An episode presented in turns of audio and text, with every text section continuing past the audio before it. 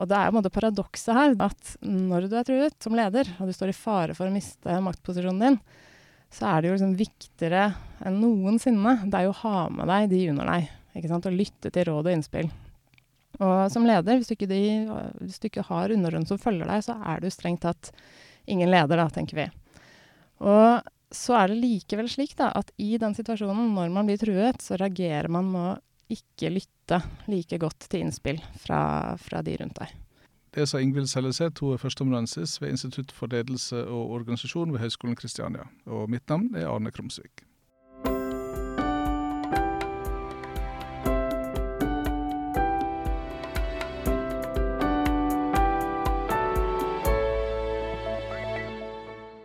Jeg forsker på makt, eh, og da vil jeg si at eh, makt er ikke noe som bare jeg er interessert i. Sånn at eh, maktinteressen, den tenker vi er universell og medfødt hos mennesker.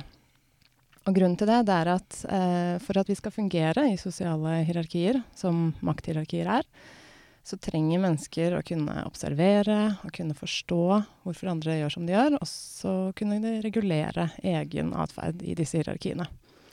Uh, og det er masse spennende forskning på hvordan dette påvirker oss. Og en av grunnene til at vi tror at det er medfødt, det er bl.a. at de har gjort forskning på små barn som er uh, ca. ett år, og selv de har en forståelse av hvordan aktører, eller sosiale aktører, bør oppføre seg i sosiale hierarkier. Sånn at uh, det de gjør da, er at de setter dette småbarnet foran en video. Og så viser de dem eh, to eh, aktører, altså to bamser i forskjellige størrelser. Så dette skal da illustrere som fysisk dominans, da. Og så er det slik at disse to bamsene de møter hverandre i en gang. Og da eh, studerer de hvordan disse småbarna reagerer på hvem som viker i, de, i disse møtene. Er det den store bamsen som flytter seg og lar den lille bamsen få lov til å gå videre, eller er det omvendt? Og det som jeg syns var så morsomt, var at vi møttes jo i gangen, du og jeg, Arne, for et par dager siden. Jeg vet ikke om du husker det? Nei. Nei? Og da, for jeg kom nemlig i fin driv eh, rundt en sving i full fart, og midt i banen min så står jo du på vei mot meg, sånn at vi er liksom i ferd med å krasje. Og da skjer det sånn bitte lite millisekund hvor vi begge liksom stopper litt opp, ser på hverandre har en form for sånn eh, visuell dominans hvor vi ser på hverandre, og så tar det da et kvart sekund før jeg viker og går til siden. Og da kom jeg på denne, denne forskningen da, med disse bamsene. Så det var den store bamsen? også? det var den store bamsen. Men det er ikke bare altså, fysisk dominans som er viktige markører i våre hierarkier. Det er jo også hvem er sjef, og hvem er underordnet. Og dette ligger på en måte nedfelt i oss, i hvordan vi oppfører oss. Sånn at i hjernen min da så regner jeg med at det gikk en veldig sånn rask kalkulering. Hvem burde vike nå? Eh, det er jeg som underordnet, og så gikk jeg til siden. Og det som også var morsomt, var at jeg tenkte at dette husker jeg, men det husker sikkert ikke Arne. Fordi han tenkte ikke på det på denne måten, men uh, for min del som underordnet, så la jeg liksom merke til det, da. Så det er da ja, vi i forskning kalles ressurs, uh, resource holding potential. Altså hvor mye ressurser er det man besitter. Og i den situasjonen og i vår relasjon så besitter du mer ressurser enn det jeg gjør. Og da er det jeg som skal vike. Og det, det klarte jeg å gjøre. Så det er ikke rett i felle, altså? nei, nei, nei. Jeg vil tenke at de av våre forfedre som valgte å liksom takle ned sjefen sin i det øyeblikket, de, de deres barn er ikke blant oss, da, for å si det på en pen måte. så, så så makt og interessen for makt, det tenker jeg er noe som alle mennesker har med seg. Vi burde ha det med oss. Eh, og fordi det er så viktig rett og slett for å kunne fungere optimalt i sosiale hierarkier. Da. Og så tenker jeg jo også, eh, hvis man eh, ser dagens politiske situasjon og, eh, og altså utvik utviklingen i USA og i Russland, med ledere som oppfører seg på en svært dominerende og forsøker å skaffe seg mer og mer makt, så er det absolutt grunnlag for å fremdeles forske på å forstå hvordan makt påvirker ledere, hvordan de tenker, og hvordan de føler og handler når man da har makta. Hvordan går du fram når du forsker på dette? Du, det er forskjellige metoder. Eh, det jeg har gjort, er at jeg har gjort eh, eksperimenter. Så da tildeler vi makt til eh, deltakere i disse eksperimentene. Fordelen med å tildele det i eksperimenter, det er at vi kan snakke om årsak og virkning. Så da kan vi se hvilken effekt er det å gi eh, makt til eh, forsøkspersoner, og hvordan reagerer de på det. Og så har jeg eh, Det har vært gjort masse forskning på hvordan makt påvirker hvordan vi mennesker tenker og handler og føler. Um, og det jeg var interessert i, det var um, hvordan er det da en truet maktposisjon endrer hvordan ledere oppfører seg. Sånn at uh, jeg la til et sånn lite tilleggssement, da, sånn at de fikk, uh, deltakerne i mitt eksperiment de fikk makt. Men de fikk også en ustabil maktposisjon eller en stabil maktposisjon. Hva er det som skjer da, når man føler seg trua? Um, det jeg syns var interessant, da, det var uh, Hvis vi går litt tilbake um, på all den forskningen som har vært omkring makt, så finner man jo ofte en del negative effekter når man gir personer makt. Um, sånn at uh, forskning har vist at uh, når vi får makt, så blir vi dårligere ta, til å ta andres perspektiver. Vi lytter ikke til råd og innspill. Um, vi tenderer til å objektivisere dem. Og generelt sett blir mer korrupte. Og da har man jo uh, lurt litt på hva, hva kan man gjøre, da? Altså fordi makt tenker man er universelt. Altså det finnes i alle typer relasjoner. Og da er det litt sånn sørgelig utgangspunkt hvis det alltid er slik at den som har makt, ikke klarer å håndtere den på en god måte. Så da begynte forskningen å dreie seg litt mer til hva kan vi på en måte gjøre, da? Hva er de strukturelle tingene som man kan gjøre? Og en av de tingene det er jo å si til den som har makt at eh, hvis du ikke passer den, så kan det være du mister maktposisjonen din. Eh, og dette er jo også noe reelt som skjer i, i arbeidslivet. At hvis man eh, av ulike grunner skal man oppleve at maktposisjonen er truet. Eh, så jeg ble veldig nysgjerrig i å undersøke effekten av det. Eh, og spesielt fordi at den forskningen som var fra før av, den hadde sett mye på Er det slik at hvis man da måte, truer folk, så, så eh, skjerper de seg på et eller annet vis. Eh, men så tenkte jeg at Jeg har en bakgrunn som psykolog. Og jeg tenkte at det er forferdelig sjelden at mennesker blir bedre av å føle seg truet og føle seg usikre um, og stå liksom på utrygg grunn. Og det er, det er den vanlige responsen når folk føler seg truet eller trengt opp et hjørne, det er at man begynner å forsvare seg selv og gjerne liksom eksternalisere og si at det er verden det er noe galt med, det er ikke noe jeg kan gjøre. ikke sant? Og dette er liksom naturlige sånn selvoppholdelsesdrifter. Så jeg tenkte at kanskje det er nesten enda mer problematisk å true maktposisjoner, for det vil kanskje forsterke disse negative tendensene. Da. Så selv om jeg tenker at i noen situasjoner, når man har en truet maktposisjon, så vil man trå litt mer forsiktig. For du er ikke like liksom, fri til å gjøre alt det du vil, men i andre situasjoner så vil det kanskje føre til enda dårligere atferd. Uh, så det jeg så på, det var da om ved å ha en truet maktposisjon, om det gjør at du blir bedre eller dårligere til å lytte til andres innspill. Og det er jo paradokset her, det er jo at når du er truet eh, som leder, og du står i fare for å miste maktposisjonen din, så er det jo liksom viktigere enn noensinne det er jo å ha med deg de under deg. ikke sant, Og lytte til råd og innspill. Og som leder, hvis du ikke, de, hvis du ikke har underordnede som følger deg, så er du strengt tatt ingen leder, da, tenker vi. Og så er det likevel slik da, at i den situasjonen, når man blir truet, så reagerer man med å ikke lytte like godt til innspill fra, fra de rundt deg. Så det fant jeg i forskjellige eksperimenter. da. Fortell mer om hvordan det sånn konkret går fram. Ja, I et eksperiment så eh, melder man seg frivillig. Eh, så kommer man i en lab, og så sier jeg f.eks. at nå er det slik at uh, vi skal ha et studie i gruppedynamikk. Uh, og i forkant av eksperimentet så har jo du svart på en del sånne personlighetstester. Og i den, dette studiet da, om gruppedynamikk så skal dere jobbe sammen i par. Så vi skal ha én leder, vi skal ha én underordnet. og så er det slik at vi allokerer disse rollene. Hvem er det som blir leder, og hvem blir underordnet? Det baserer vi på eh, de personlighetstestresultatene. Og så sier vi til alle sammen, så sier vi at, og det er jo helt klart at når vi ser på din personlighetsskåre, personlighetsscore, at du er en klar lederkandidat. Så det er du som blir leder, uh, men du skal også vite at den underordnede skårte veldig godt og jevnt opp mot deg, da. Og så setter de seg ned på PC-ene, så sier vi at før dere skal inn og møte den underordnede, som for så vidt jobber i et annet rom, så vil vi at du skal gjøre noen individuelle oppgaver.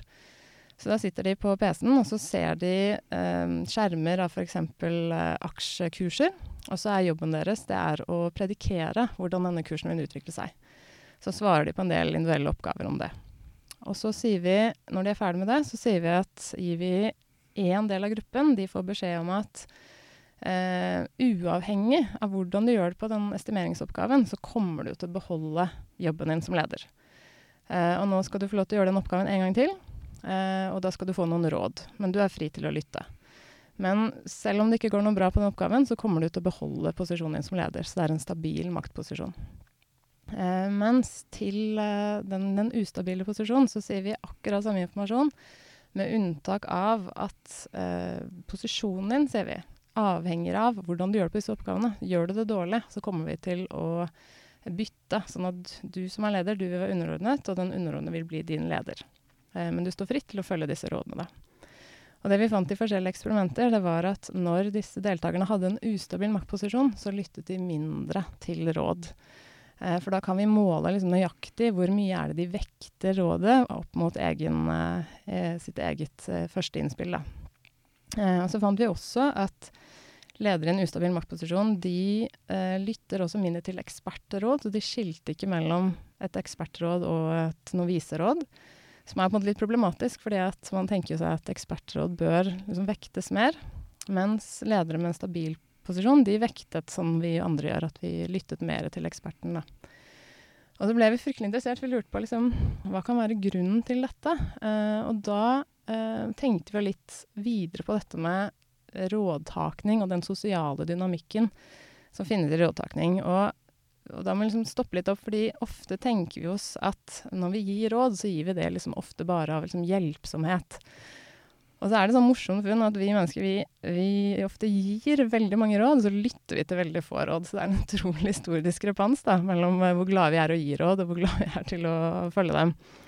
Og generelt så, så, finner man at man lytter altfor lite til råd, så at beslutningene hadde blitt bedre hvis man hadde tatt inn flere perspektiver.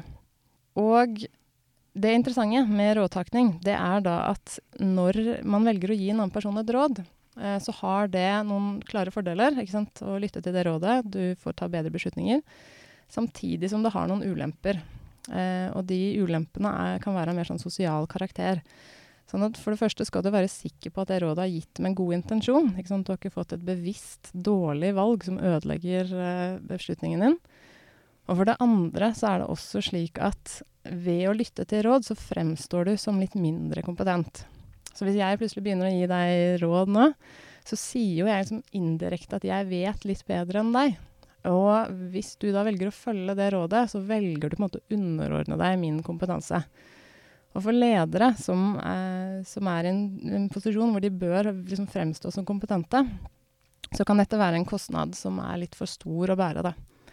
Så for å undersøke dette, så gjorde vi et uh, tredje eksperiment. Så lurte vi kanskje på kanskje er disse sosiale kostnadene som gjør at de utrygge lederne, eller lederne med en ustabil posisjon, ikke velger å lytte til råd. Uh, og da uh, gjorde vi det slik at akkurat det samme, vi manipulerte da stabil, ustabil som jeg fortalte om i stad. Og så sa vi til noen av de sa vi at dette rådet her, det kommer fra et menneske. Menneskelig ekspert. Mens til den andre gruppen så sa vi at dette rådet her kommer fra en dataalgoritme. Vi var veldig nøye også på å ikke velge at uh, vi sa ikke en robot, for da tenkte vi at da kan de se for seg at det var liksom en konkurrent i sosiale hierarkier. Og enn så lenge så er ikke roboter konkurrenter. Um, men rådet i seg selv var helt eksakt likt. Så det var bare informasjonen om det rådet de fikk. Kom det fra et menneske, eller kom det fra en dataalgoritme? Og det vi fant da, det var at når ledere hadde en truet maktposisjon, så lyttet de til rådet fra en eh, dataalgoritme, men de lyttet ikke til det samme rådet fra et menneske. Mens motsatt, for ledere med en stabil maktposisjon, så spilte det ingen rolle. De, lyt, de lyttet like mye til rådet, uavhengig av om det kom fra en robot eller et menneske. da. Så det gjorde at vi ble liksom litt nysgjerrige på om dette her kanskje handlet om disse sosiale dynamikkene som oppstår i, uh, i rådtakning. Så for ledere med en ustabil maktposisjon så er det enda på en måte farligere å fremstå som inkompetent, fordi kompetanse er en viktig base for deres lederskap. Når du utdanner framtidas ledere, ja. hvordan bruker du denne innsikten her da? Uh, vi bruker det på den måten at uh, forskningen har ikke så, vært så veldig opptatt av at ledere er mennesker, hvis jeg kan si det på den måten. Som har tendert til å snakke om liksom, heroiske ledere, ledere, eller the dark side of leadership. Sånn enten-eller. Noen ledere er født med narsissistiske trekk eller er psykopater. Og det jeg syns den forskningen vi gjør, gjør så spennende, det er at den tar inn hele det liksom, komplekse bildet av en leder som en, et vanlig menneske som tidvis kan føle seg truet eh, og usikker, og studere hva konsekvensene av det er. Og så tenker jeg at um, jeg skal være veldig forsiktig med å gi råd. Når man forsker på råd, så skjønner man at det er helt håpløst. Men jeg tenker at en veldig viktig innsikt uh, fra den forskningen som jeg tilhører, det er at som leder så kommer du til å stå i situasjoner hvor du føler deg truet. Og de situasjonene kan være liksom ren objektiv karakter. Det skal skje en reorganisering. Noen kommer til å miste posisjonene sine og de ressursene. Eller det kan være rent sånn subjektiv, at du opplever at uh, andre ikke respekterer deg, eller ikke følger, de, uh, følger din vei, da. Og uh, hvis man tenker seg at dette her er helt uunngåelig, så kan det hjelpe å vite hva er liksom vanlige responser når man opplever seg truet. og det å vite at man lytter mindre, det kan kanskje hjelpe til at man blir litt bedre på å lytte litt mer. og ikke bare agere helt sånn instinktivt på å føle seg truet. Men jeg tenkte at det som er lurt å gjøre nå, det er at jeg setter meg ned med hver av disse underordnene mine og forsøker å ta deres perspektiver. Og det kommer til å gjøre, være ordentlig ubehagelig og gjøre vondt, men hvis jeg klarer å få dem med meg, så gjør jeg også det slik at posisjonen min er litt tryggere. Så tenker jeg også fra denne litteraturen så hadde det også vært litt spennende hvis ledere valgte i større grad også noen ganger å steppe med frivillig. At de merker at nå har jeg ikke den nødvendige basen for å få til det som, eh, som skal til. Istedenfor at jeg kjemper liksom, desperat kamp nå i et år, så gir jeg meg før det blir for stygt, for det kommer til å hjelpe meg i neste runde når jeg skal få meg en annen jobb. Nå har vi snakka om makt, hvordan ser det egentlig makt påvirker folk? Det man ser for seg, det er at når man har makt, eh, og da tenker man at makt er at man kontrollerer eh, ressurser i større grad enn andre. Uh, det det ser ut til å gjøre, det er at uh, det reduserer de sosiale begrensningene uh, for oppførselen. Sånn at mennesker blir mer handlekraftige. Så det er noen forskere som heter Galinski som sier at makt det er liksom som gasspedalen. Så når du har makt, så betyr det at du kan øke hastigheten på det du har lyst til å få til. Så det er ikke nødvendigvis slik at makt korrumperer, tenker de. Men det er at det gjør deg mye mer handlekraftig til å nå de målene du ønsker. Så det betyr at for ledere så er det helt nødvendig å ha makt. Altså ha en posisjon som leder uten makt, det er en håpløs posisjon. Og så sier man videre at men det er noe annet som styrer rattet. Så hvilken retning du bruker for den makten, det er litt annerledes. Eller det vil uh, variere mellom mennesker. Um, og jeg husker i den forbindelse med sånn makt korrumperer, og at man glemmer liksom sosiale begrensninger, så var jeg i et, uh, et bryllup for noen år tilbake hvor det var en av gjestene var en fetter som var svært rik, uh, hadde masse makt, figurerer ofte i medier, og samtidig veldig glad i kake. Og da hadde vi sittet på en sånn sedvanlig litt for lang middag, som det ofte er i bryllup. Og så satt vi alle sammen og ventet på at brudeparet skulle liksom åpne det der fantastiske kakebordet som sto foran. Og da satt vi inne i et sånt stort lokale, og vi alle satt liksom tålmodig og ventet. Og småpratet. Og så ser vi plutselig at denne fetteren trer inn i rommet. Og så ser vi at han liksom fikserer blikket sitt på en kake. Og det som er interessant, det er at det blir liksom helt sånn merkbart stille i rommet. Og så begynner folk å småsumme, og ved bordet, bordet jeg sitter, så begynner folk å si sånn Han kommer til å spise kaken! Han kan gå for kaken! Og da har jo ikke brudeparet ikke åpnet ballet. Ikke det er de som skal ta den brudekaken først. Og dette sprer seg, sånn at brudeparet som står litt lenger borte og prater, de får nyss i om at fetteren er på vei i klar bane mot en av kakene. Så de snur seg veldig raskt og begynner å småløpe for å liksom redde situasjonen, så de kan starte med kaken. Og det ender opp med liksom sånn klar uavgjort, hvor de liksom skjermer han litt, mens de tar liksom raskt og åpner kaken. Men det jeg satt og tenkte etterpå, som var veldig fascinerende, det var at det var ingen som forsøkte å stoppe ham. Alle liksom skjønte hva som var i ferd med å skje. Ingen forsøkte å si du må vente litt til brudeparet har gjort seg ferdig. En annen veldig interessant ting var at brudeparet ville redde ham. De tok liksom ansvar for denne liksom litt uh, fæle situasjonen. Og så er liksom tredje at jeg er ganske sikker på at han overhodet ikke er klar over hva han gjorde, eller liksom normbruddet eller skandalen som skjedde. Eh, med at han sto fornøyd og spiste kake i etterkant. At som en mektig mann da, så kunne han liksom gå for målet sitt eh, uten sosiale begrensninger. Eh, samtidig på en annen måte, hvis du tenker at for noen, da, hvis du gir makt til mennesker som er svært opptatt av andres ve og vel, så vil jo de bruke denne gasspedalen til å nå eh, gode eller prososiale mål.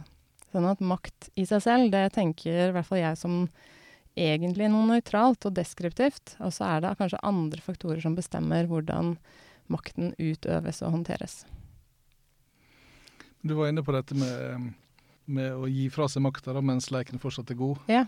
Hva er det som gjør at folk ikke gjør det, da?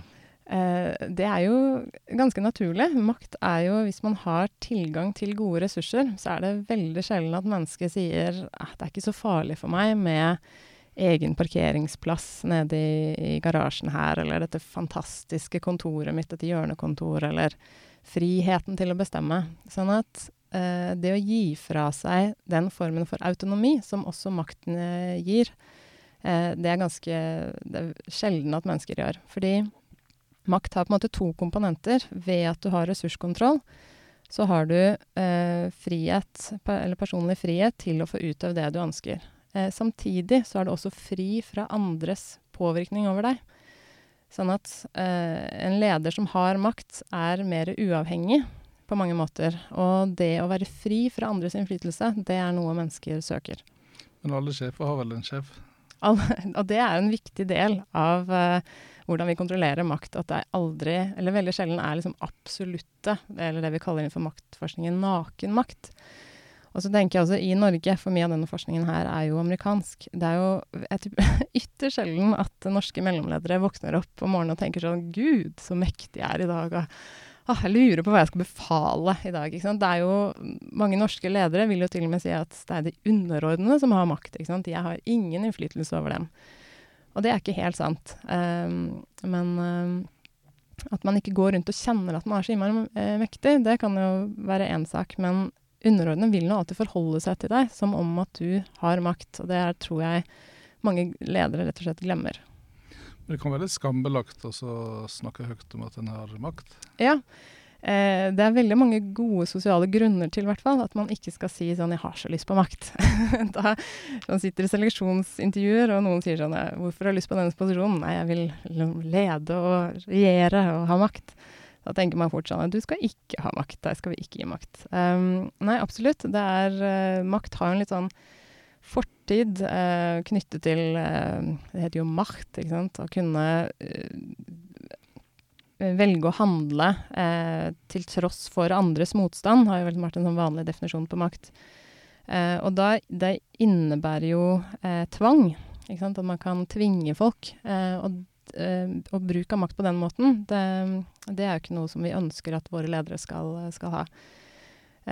Samtidig så vil jeg på en måte si at um, som leder å ikke skulle ønske seg makt, uh, er også litt rart. For det er veldig lite du kan få til. Du har andre baser for uh, innflytelse.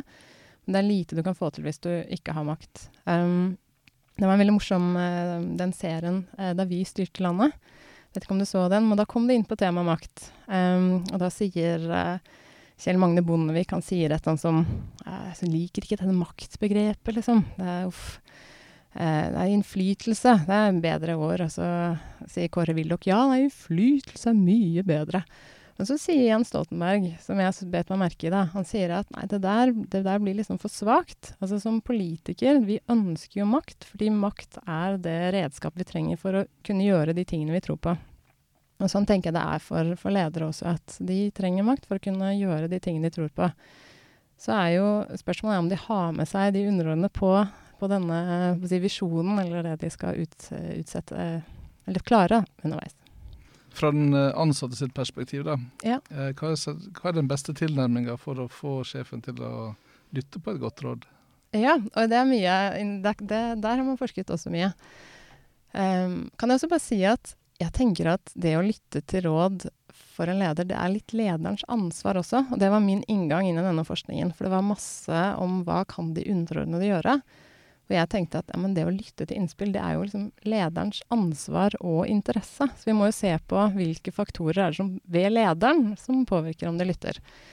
Um, men den ansatte, f.eks. En ting som er viktig, det er jo å formidle råd og innspill på en ikke-affektiv måte. Altså ikke sånn følelsesutbrudd. Det er veldig sjelden det lønner seg å være sint eller liksom emosjonelt oppkavet når man sier ting. Det kan være vanskelig, fordi man er ofte emosjonelt engasjert.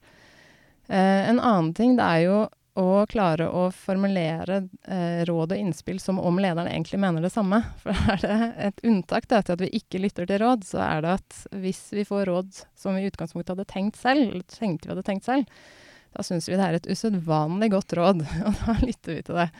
Så hvis man klarer å vinkle det inn da, eh, til at dette er egentlig det du selv vil, så vil også det øke sjansen.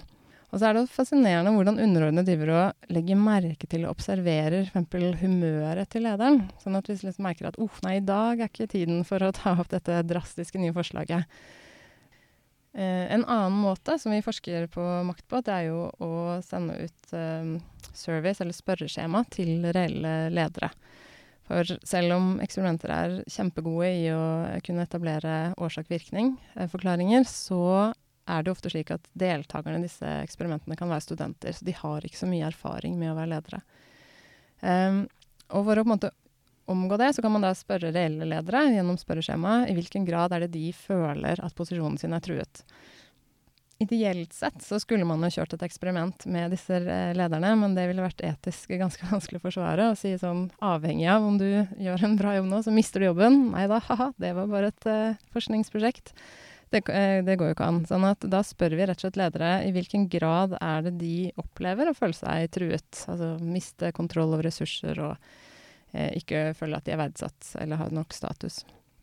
Eh, så jeg har gjort også forskning hvor, eh, som tyder på at vi finner på en måte det samme eh, funnet, hvor ledere, når den opplevde trusselen da, mot posisjonen sin, når den øker, så rapporterer deres underordnede at lederen ikke lytter. Og det som forklarer denne relasjonen, det er at når ledere føler seg truet, så ser det ut til å devaluere kompetansen til sine underordnede. Og det igjen fører til at de ikke lytter. det. Så det ser på en måte ut som at når man føler seg truet, så tenker man at det er ikke meg nødvendigvis det er noe galt med, det er bare de underordnede som ikke er kompetente nok. Og det på en måte gjør at jeg ikke lytter. Og det ser det ut til at det merker de underordnede. At da er det nytteløst å si ifra til lederen.